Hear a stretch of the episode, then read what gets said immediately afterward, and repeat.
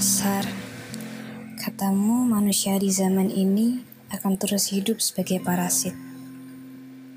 Mencuri seluruh harta milik alam.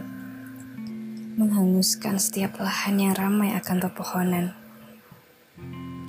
Digantikan oleh gedung pencakar. Yang kelak membuat sesak nafas dan sakit mata. Aku masih ingat sekali Seminggu yang lalu tuturmu mengajariku akan arti kehidupan. Untuk terus teguh dan utuh menghadapi gemuruhnya tiap lenguh.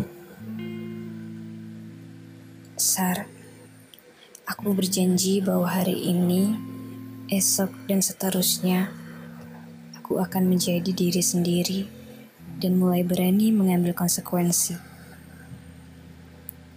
Aku tidak lagi mengiyakan sesuatu yang kurang benar, juga menyerahkan keadaan. Yang paling penting, katamu, jangan mau diperlakukan seperti boneka oleh siapa pun. Sar, sering kali kutanyakan padamu hal-hal remeh seperti Apakah ada laki-laki lain yang senang membicarakan peradaban pada kekasihnya seperti dirimu? Ini cara paling romantis untuk berkencan. Jawabmu dibarengi rentetan tawa yang begitu indahnya.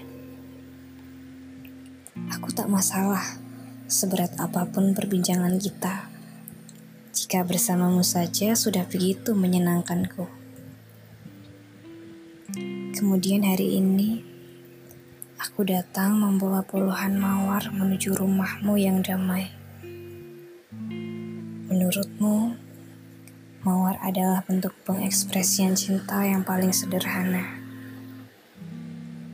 Maka kamu, Sar, bentuk cinta itu. Dan jika bukan kamu, Sar, aku tidak ingin yang lain.